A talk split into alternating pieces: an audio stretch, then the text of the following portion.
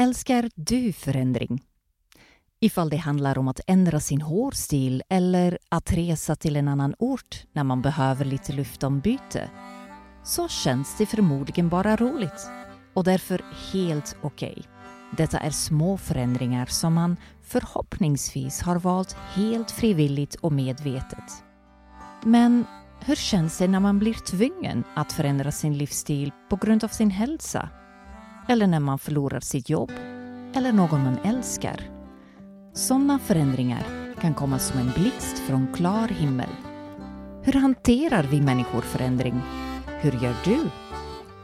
Jag måste erkänna att det inte alltid känns så himla kul och lätt att välkomna förändringar. Förändringen i det politiska klimatet i min egen by till exempel oroar mig. Jag tycker att klimatförändringarna rent av är skrämmande. Och jag har fortfarande svårt att omfamna förändringen mina barn hemma har gjort från att vistas i skogen till att vilja tillbringa sin fritid framför en bildskärm. Men tillbaka till min ursprungliga fråga. Älskar du förändring? Vad jag egentligen skulle vilja förstå är människor som verkar ha det så lätt att genomföra förändringar med ett leende. Vad är det de gör så annorlunda än jag? Att kunna hantera förändring med elegans, är det något man kan lära sig? Kan jag bli mer flexibel? Kan alla? Jag ville veta mer kring detta och därför har jag frågat en vän. Han heter Wim Smets som transformation manager är han expert i just förändring. Han har lett transformationer inom stora företag i de flesta europeiska länder, USA och Asien. Och förutom detta är han en erfaren bergsklättrare. Han har bestigit fem berg över 8000 meter, bland annat Mount Everest. Och han har skrivit boken The Only Ways Up som handlar om vad chefer kan lära sig från bergsexpeditioner. Och jag slår vad om att han i sin kontaktlista över bästa vänner har en som heter Mr Change. Så vem annars skulle jag ha frågat? Det här avsnittet handlar om ledarskap, om att hantera förändring och om hur man kan göra sig själv vig och motståndskraftig. Du lyssnar på The Link. Mitt namn är Ilse Supli. Well, in the book, I, I talk about uh, how to make yourself and your company agile and resilient. Uh, having done transformations for a long time, are very often you know you kind of see that there's there's some people that really thrive in a transformation, and there's others that struggle, and, and you see that the people that that are not used to change, and they've been been sort of sitting on the same chair for a very long time doing the same thing, they struggle big time with transformations and with change in general. Uh, and hence I use the the metaphor of, of a, a, backpack to link it up to mountaineering. Because mountaineers that have a very, very heavy backpack, well, they, they, they can't reach the summit. You know, they're not fast enough, they can't keep up their efforts long enough, and they're not flexible enough. And the same kind of applies to every kind of challenge you will ever uh, face. You really encourage people to seek change. Why is that? why can't we just keep on doing things the way we've always done? Because sooner or later, change will find you. You know, you're somewhat sooner or later, life is going to kick you out of your comfort zone, whether you want it or not. Um, and it, it's kind of like change is kind of like running a marathon. If I were to tell uh, somebody who hasn't run for years, oh, this Sunday you have to run a marathon, I can guarantee you it would be a very painful and even dangerous exercise. Whereas if you're in the habit of running long distance on a regular basis, even you know, it doesn't mean you have to have a uh, have to be professional or have a, a world title. Uh, but if you just run on a regular basis, you'll find that you'll you'll survive the marathon a lot easier. So something like something like change is something you, you can you can train for, you can get used to it, and it'll make the change when it does happen to you a lot easier and I, I think that that definitely helps in a in a changing world. You know, there's a there's a lot of talk about globalization and digitalization, and it's it's not something we're going to be able to stop. Uh, globalization and digitalization are here to stay, and the process to go to a global digitized world is not going to be very pleasant for everybody. Uh, there's going to be uh, a lot of winners. There's also going to be a lot of people that lose out. Uh, if you want to be on the side of the people that benefit from it, I firmly believe you have to be agile and resilient. Personally, but also your company needs to be agile and resilient so you can get through the process a lot easier and you can reap the benefits a lot more.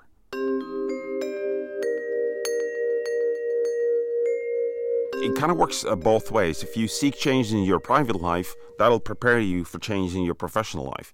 If you seek change in your professional life, that'll help for changing your private life. The the book was actually written with managers and, and leaders, you know, company leaders in mind. Um, but I'm, I'm very pleased to see that quite a few people that do not work in a management position uh, in a company have also benefit, benefited from the book. There's this one story of a friend of mine who um, who's gone through a very difficult private situation. Uh, she's a uh, she's married, had two girls, two daughters, uh, and, and they're divorced now. Uh, and it took her a long time to realize that what she first considered to be a threat to her life was actually a new opportunity. Uh, and she also realized that because of the way she'd been holding on to the old life, she had actually filled up her backpack with lots and lots of issues from the past and had never thrown anything out and she's now you know doing it the other way around. She's trying to get rid of a, a, lot of stuff in her backpack and get her life back on tracks. And i last time i checked it was actually working quite well so. Right. Trying to keep your backpack light in life is an exercise you regularly do and you do that very consciously. What's the idea behind? When you climb and you see some really top-notch mountaineers around you i also always notice that man, they've got a small backpack. You know, I always think that I, I bring the stuff I barely need. I try to keep it light. And then I look at these people and they don't even bring half of what I bring. You know, what am I doing wrong? And and I also noticed over the years that yeah, every time you know I go on a new climb, I actually bring less stuff. Um, I still bring too much, but as long as you just bring it to base camp, it's not so bad because then other people can carry it for you. Uh, but above base camp, you really need to think about what am I going to carry up because you find that in the beginning you bring a lot of stuff up and then turns out you don't use most of it. So what's the point in bringing it up? Uh, bring up the basics that you really need to do the job and leave everything else behind. Um, and then you, I started thinking about that and said, well, okay, but that light backpack that allows me to just keep going for for much longer. You know, if you wonder why these professional mountaineers are a lot faster, uh, why they can climb something in in three hours and I need eight hours, well, part of that is because their backpack is just so much lighter, and you you definitely feel that when when you can actually right next to each other compare the difference. That you take a few kilos out of your backpack, and all of a sudden it feels like it makes a huge difference, right? Um, and and also, you know, with a big backpack, it, it gets a lot harder to keep your balance, and and having to fight to keep your balance uses up a lot of energy. And then I started comparing that to to people around me um, some of them, you know, just have a very heavy backpack. They they get stuck in where they are, uh, and they don't have enough energy left to to go somewhere uh, because their big backpack holds them down. Mm. Um, tell me, what is it you think most people with heavy backpacks in life are carrying with them? You know, you can fill it up with with three things. You know, with experiences from the past, with day to day activities and aspirations for the future. And, you know, experience from the past, you know, some of those experiences you didn't put in your backpack yourself. Uh, and I understand that, that they're in there, but at some point you need to give those experiences a place in your life outside of your backpack, put them on the shelf, and move on. Sometimes I can understand that takes uh, quite a few years. Uh, if you've had some really bad experiences in your life, I can understand that, that it will take a long time. But at some point, you know, you can't let bad experience from the past determine your entire future. Seek professional help to do that if you have to, but please move on. You know, don't don't don't stay there.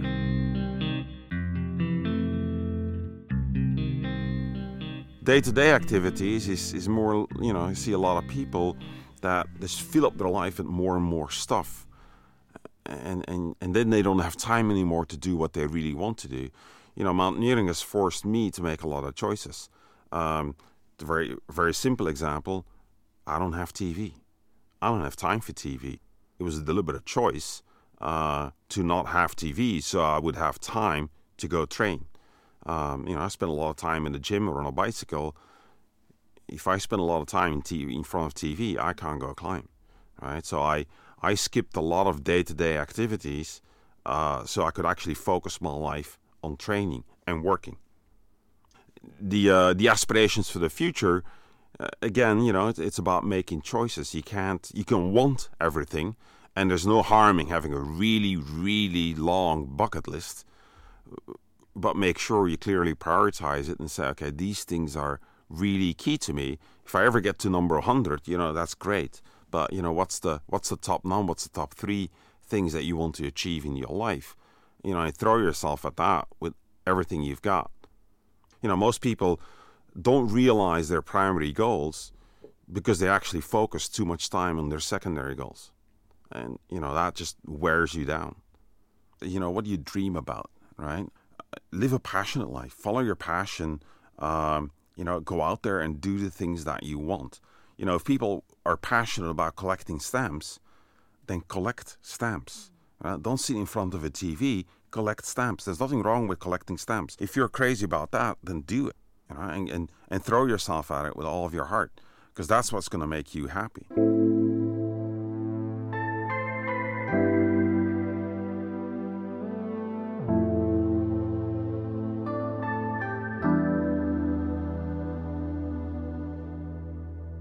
Wim, is that a kind of natural ability for you to keep your backpacking life light? Or did you have to learn that over the years? When I was 25 years old, I think there was more stuff in my backpack than there is now. You have to learn your own way to keep your pack light, you know, and, and to me, that is mountaineering. Like I, me sitting in a, a camp for two months in a tent, you know, at extreme weather conditions and, and shoving shutting myself off of the rest of the world uh, for for a couple of weeks or months um, uh, definitely does the trick for me. I understand that that's not the way to go for everybody. Uh, other people find it in meditation.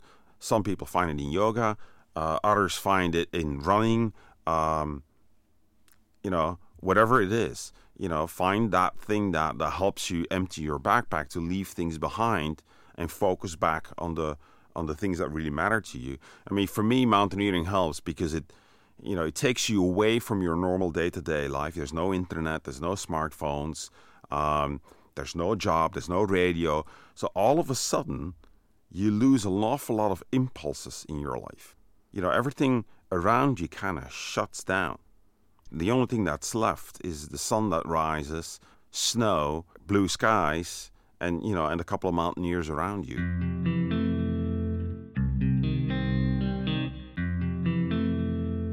And it helps to sort of really focus back. I compare it to it's like um, taking a step outside out of your life and overlooking your life from the side uh, rather than trying to run around in it.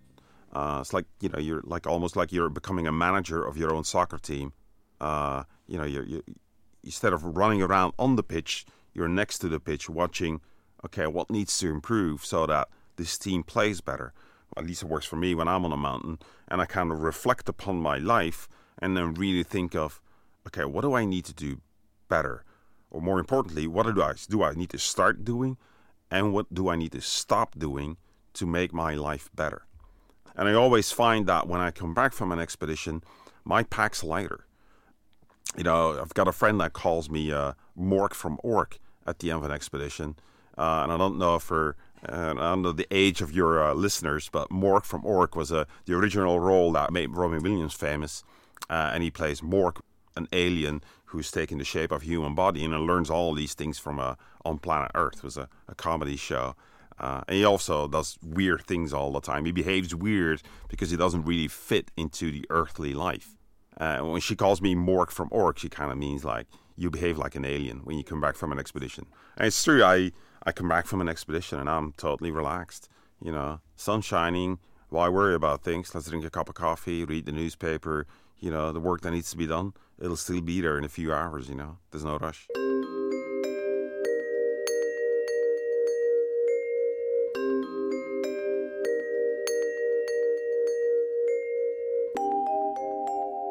Jag börjar genast se över mitt eget liv. Vad är det jag behöver släppa? Slänga ut ur min ryggsäck? Och om jag inte kan ändra vissa saker, behöver jag verkligen lägga energi på dem?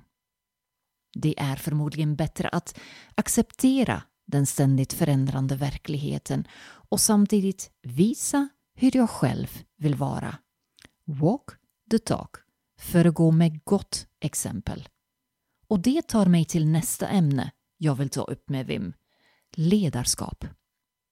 I en värld där allt förändras så snabbt behöver vi mer än någonsin bra ledare. Jag menar inte bara människor i chefspositioner utan också föräldrar, lärare, volontärer och alla som tar upp ansvaret att motivera och stötta andra i sina liv och jobb. Det är både du och jag. I 2002 fick jag möjligheten att jobba tillsammans med VIM i ett förändringsprojekt på en amerikansk multinational. Jag upplevde honom som väldigt fokuserad men samtidigt helt avslappnad. Han ledde projektet på ett större plan för det allmännas bästa. Djupt intresserad i de andra lagmedlemmarna blev han också väldigt medveten om vilka allas kapaciteter och svaga punkter var. I hans bok The Only Ways Up drar han intressanta paralleller mellan hur en framgångsrik chef och en framgångsrik klättrare jobbar. Jag frågar honom om hur lagarbetet funkar, både på jobbet och på väg till toppen av ett av de högsta bergen i världen. a lot of people sort of see mountaineers as a, as an individual sport, uh, and that's probably because most summit pictures there's this one guy or woman with an ice axe, you know, claiming victory. But obviously there was somebody else there that took the picture, so there's at least two. Uh, well, but actually, mountaineering is quite a bit a team sport. Um, when, when you when you cross a glacier, for example, very often mountaineers tie themselves up to each other. Uh, and if you think about that, uh, oh yes, it, it, helps with the safety. If, if one of them falls in a crevasse in a glacier, you know the other three can actually hold them up. But as soon as you actually tie yourselves together, everybody moves at the pace of the slowest. The others really need to think then: how can we make the slowest go faster? You need to stop thinking, how can I go faster? You need to think about how can I make everybody else go faster? Because it doesn't matter how fast I go if the others are not moving any faster we're all still going to be slow. Um, so you know, it's a, it's a very interesting uh, interesting concept of working like that. I mean, imagine you show up at work and they would tie you together for the entire day with three of your colleagues. And even if we, we don't do that, you know, when you're uh, uh, when you're in the Himalayas, you use fixed ropes. You actually uh, build a route with ropes and you fix that rope to the mountain. You either make a, an anchor in the ice or in the rocks uh, and it's like a you know a route that guides you to the top. Uh, but building a route like that, you know, requires about five kilometers of rope, which weighs about 150 kilos. So it's a huge undertaking. You need more than one person to do that. That worked really well for me. Uh, was the team that originally got me climbing. I, uh, I originally one of my first mountains I did. I met uh, Douglas Beale, who's an American doctor, and then we met Dave and Sam, father and daughter. We pulled in Victor Saunders, a Scottish mountaineer. Uh, so we were a fixed team for years. And the advantage of that is that, you know, we kind of we kind of knew each other very well after a while. You know what everybody's strengths and weaknesses are. You um, because you know the weaknesses up front, you tend to be a lot more tolerant for them because you also know, okay, so he's not that good at that, but I know he's really good at that. So you know you can balance them out a lot easier. Uh, so that definitely helps. Uh, and after we climbed together for a number of years, they basically most of them actually stopped doing these uh, big expeditions, and I joined another expedition, uh, which was on K two, and that was probably from a group dynamics point of view, the hardest expedition. Uh, and why was that? Well, yes, big egos. Uh, you get that in mountaineering not necessarily a bad thing, you know, but these are all people that are extremely result oriented. Uh, that was one thing. Second thing was you know, different goals. Some people wanted to really climb K2 without oxygen. Others wanted to do it with oxygen. Others were there to sort of on a sort of recon- reconnaissance mission for a future K2 expedition. So the goals weren't aligned. Uh, that made it hard. And then things weren't going well in the expedition. There was a lot of bad weather, and that gets on people's nerves sometimes. You know, and then more of the sharp edges start appearing. So that was a, a team where, where cooperation was, was really hard. Um, during an expedition, is there really time for team building? Uh, you always have time because, in all fairness, it's all you do.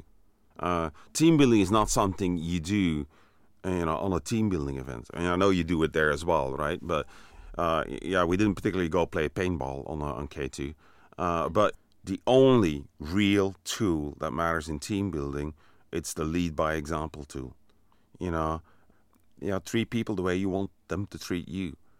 Be consistent in what you say. I think people very often underestimate the impact of their own behavior on the behavior of other people.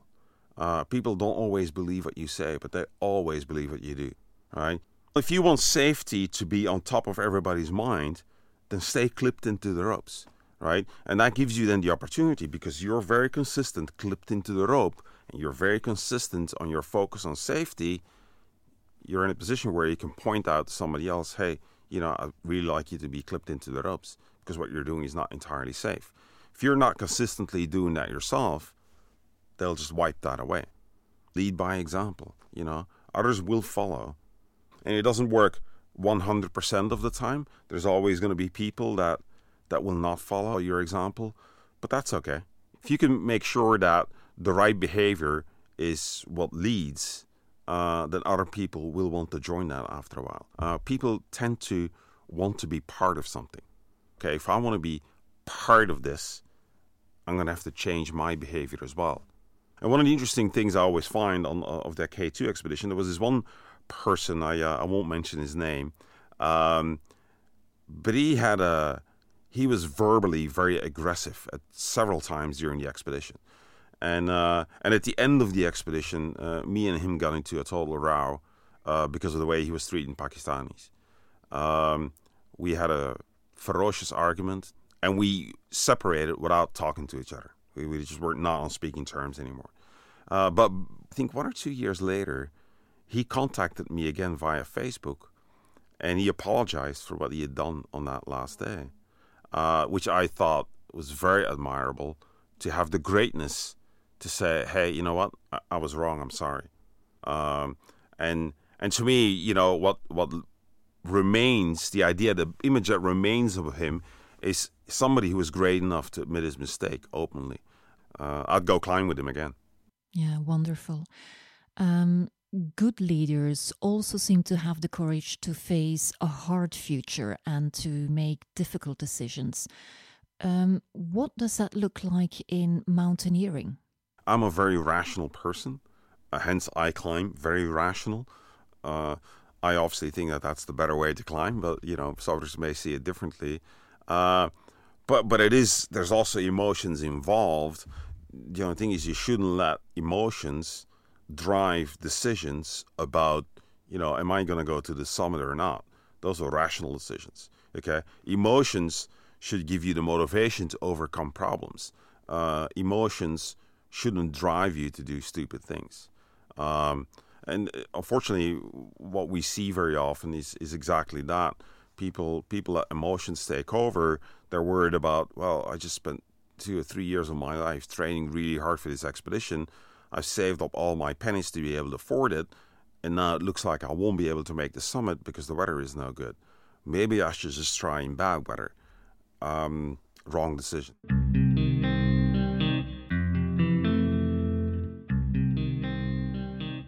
I've always been very good at keeping it rational uh, thinking through my options up front. And then when the decision really needs to be made of do I continue or do I pull the plug, I just look at my options, look at, you know, what were my goals. Goal number one was return in all safety. It doesn't look safe anymore. It's over. And I don't, you know, I don't sit there sobbing or something. I know that next year or two years from now, there'll be another expedition. Can you give examples of difficult situations where you very consciously decided to put emotions aside and to rationalize your decisions? On the very first uh, 8,000 meter peak we climbed, uh, at a certain point, uh, it looked really bad. It had been snowing for a week. And, and when it finally stopped snowing, the avalanches started coming down.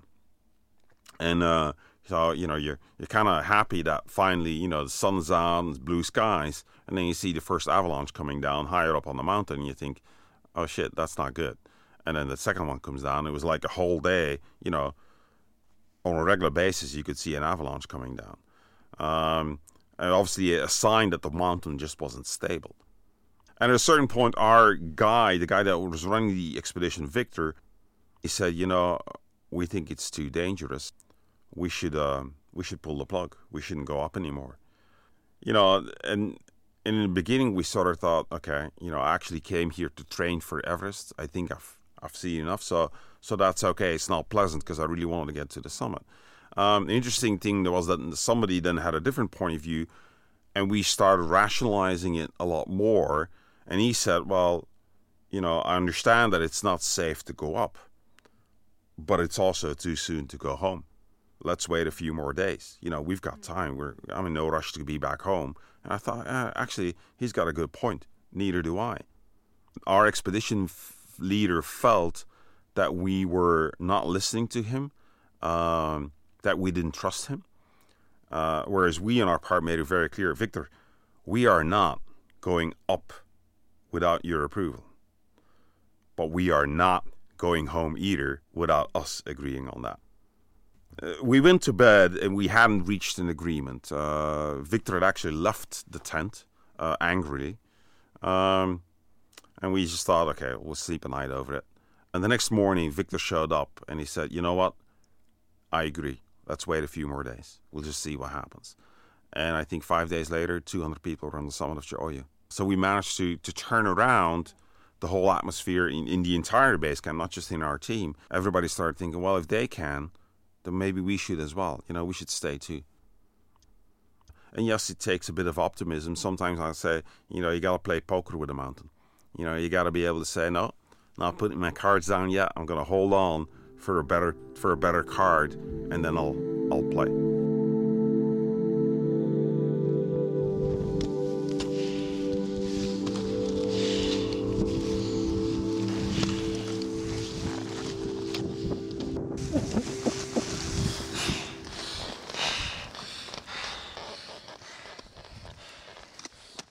Most common reason why people die on expeditions uh, is called summit fever.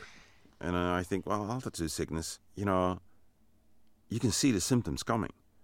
You haven't died because you got altitude sickness. You can die because you've ignored the symptoms of altitude sickness. Uh, but you don't get altitude sickness all of a sudden. It builds up. Yeah, you get a headache, you start vomiting, uh, you start coughing. Basically, you die because you get liquid in your brains or in your lungs. You know, if you get liquid in your lungs, you start coughing. If you start doing that, it's time to go back down. If you start throwing up, it's time to go back down. Um, but a lot of people think, oh no, I'm tough. I'll get through this. Um, it's thinking that reaching the summit is more important than returning back down safely. And because people tend to think that because they suffer from summit fever, they they tend to climb through an avalanche zone when they shouldn't they think, well, I've spent all this money and all this time and I've been away from my family. I have to come back with a victory. But mountains don't really tend to care much about how much money you spent. They don't care about your family either. Uh, they just are. And if the weather conditions are bad, then the weather conditions are bad. You can't control that. You can't avoid all risks. That is impossible. Uh, but you can you can limit it seriously. But Wim, during almost all your expeditions, people died. Not necessarily in your own team, but I know you've witnessed accidents in which people didn't survive. At one point, you were even helping to bury a body. What does that do with the rationalist in you? Uh, you know, it's interesting. The first person I saw falling, um, I can't actually remember seeing him falling. It's a very weird situation. We were on Cho Oyu, and we were going back down, and uh, for some reason, the, Sherp, the Sherpas had been putting up ropes, uh, but they I think they had run out of rope because about 20 meters below the end of the steep section, all of a sudden the rope stopped. Uh, so the first 20 meters of the steep section where you're coming back down, you had to do without ropes.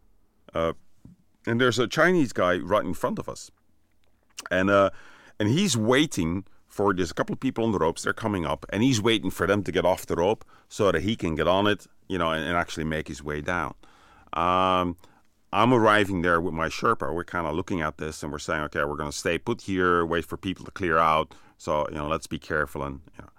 Uh, the Chinese guy tries to sit down, but falls as he does that, starts gliding, uh, and he just slides off the mountain. I think about 50 or 60 meters lower, there's a cliff. And I know the cliff is about 25 meters deep.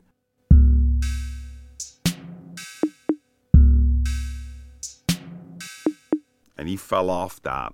Then started gliding again. There was another cliff of about 40 meters. He went off that as well. Um, but the funny thing is, I remember seeing him falling, gliding, but I can't remember seeing him going over the cliff. And I've, you know, everybody around me was said, "Oh my God!" And I said, "Well, yeah, okay." So he fell, and the other people said, "But he went off the cliff." I said, "Like, did he? I didn't see that." And I, I think my brain just shut that out. Because um, everybody else saw it. I was looking at it. How could I not see this? Turned out afterwards, by the way, that the man was okay. He fell 400 meters uh, and actually had a couple of bruises, and that was all.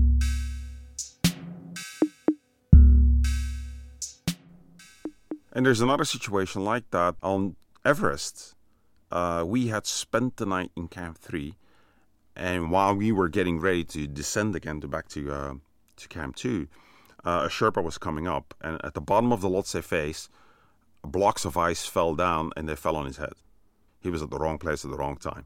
He was doing everything right, but it was just, you know, bad luck. He died on the spot.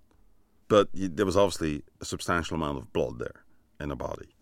And we came down the route. I must have passed less than five meters away from him. Uh, everybody else saw him, and I can't remember seeing him. I just, you know, my brain just shut that out.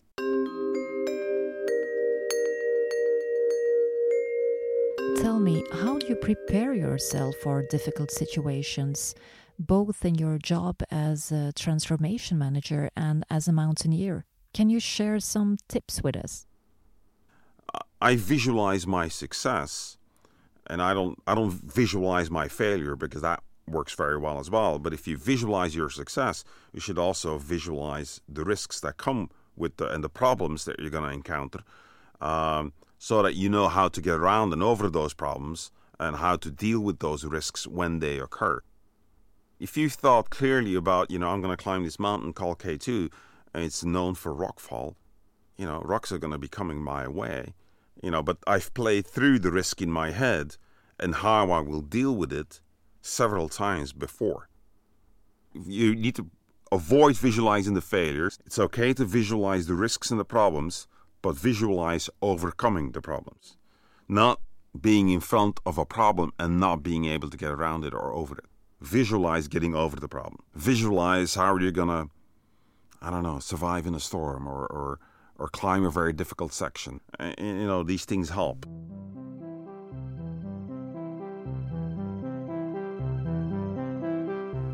I remember when we were on K2, uh, the, the bottom section of the route was actually an avalanche zone, a quite dangerous avalanche zone. And the agreement that we had made was to walk in the snow, but right next to the rocks. And then if an avalanche would come down, the deal was jump on the rocks. Um, and the idea behind it was, well, the reason why there's no snow on those rocks is because the avalanches, the previous avalanches, just weren't that wide. Uh, so if this avalanche isn't bigger than the previous ones, you're actually okay on the rocks. And at some point, uh, I was climbing uh, on this section, and I heard somebody shouting avalanche. I look up, and I see a wall of white coming in my direction, and I jumped immediately. Now it turned out afterwards that this avalanche had already stopped, and it was sort of a cloud of snow. But in the split second that I looked up, I couldn't see that, so I just jumped as I was on the expedition before that, I had visualized that avalanche coming down and the jumping. So to me, it was like, well, it wasn't the first time I did that. I'd done it like a hundred times in my head. It was just the first time I did it for real. When I visualize about mountaineering, you know, yes, you, sort of visualize the snow and the, the great views on the summit. But to me, it's important to visualize euphoria. You need to visualize what success is going to feel like.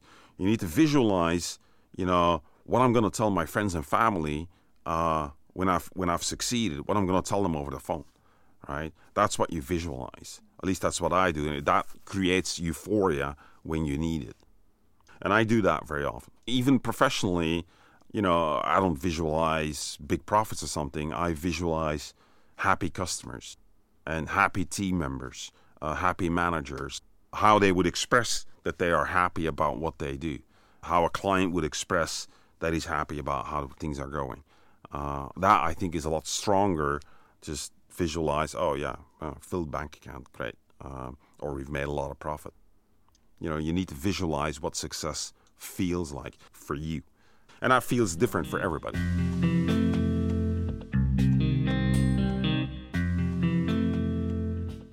Det verkar alltså vara komplett möjligt att träna vår hjärna inför förändring genom att förbereda oss för kommande utmaningar och samtidigt lägga all vår fokus på positiva tankar och framgång.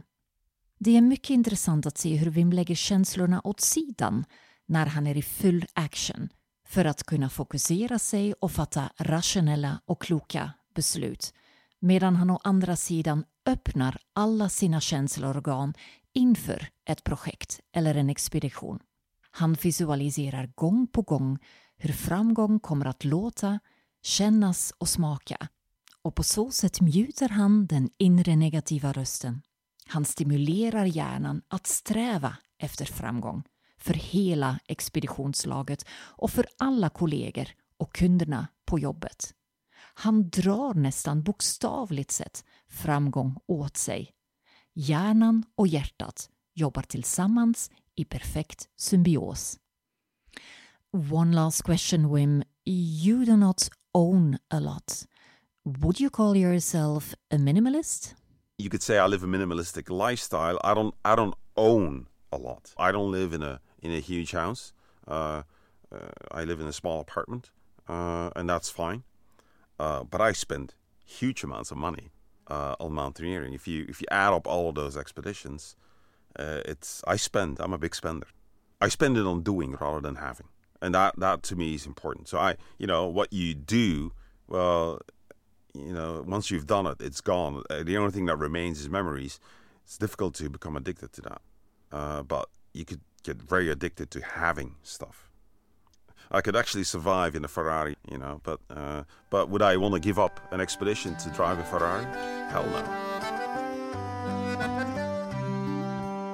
Wonderful. Thank you so much for this interview, Wim. That was so interesting and inspiring. Thank you. You're welcome. Det var allt för det här avsnittet. Intervjun gjordes av Ilse Suppli. Musik Frank Duchenne. Soundtrack Treodore. Producent Ilse Suppli. Tack för att du har lyssnat. Hoppas du är med oss även nästa gång.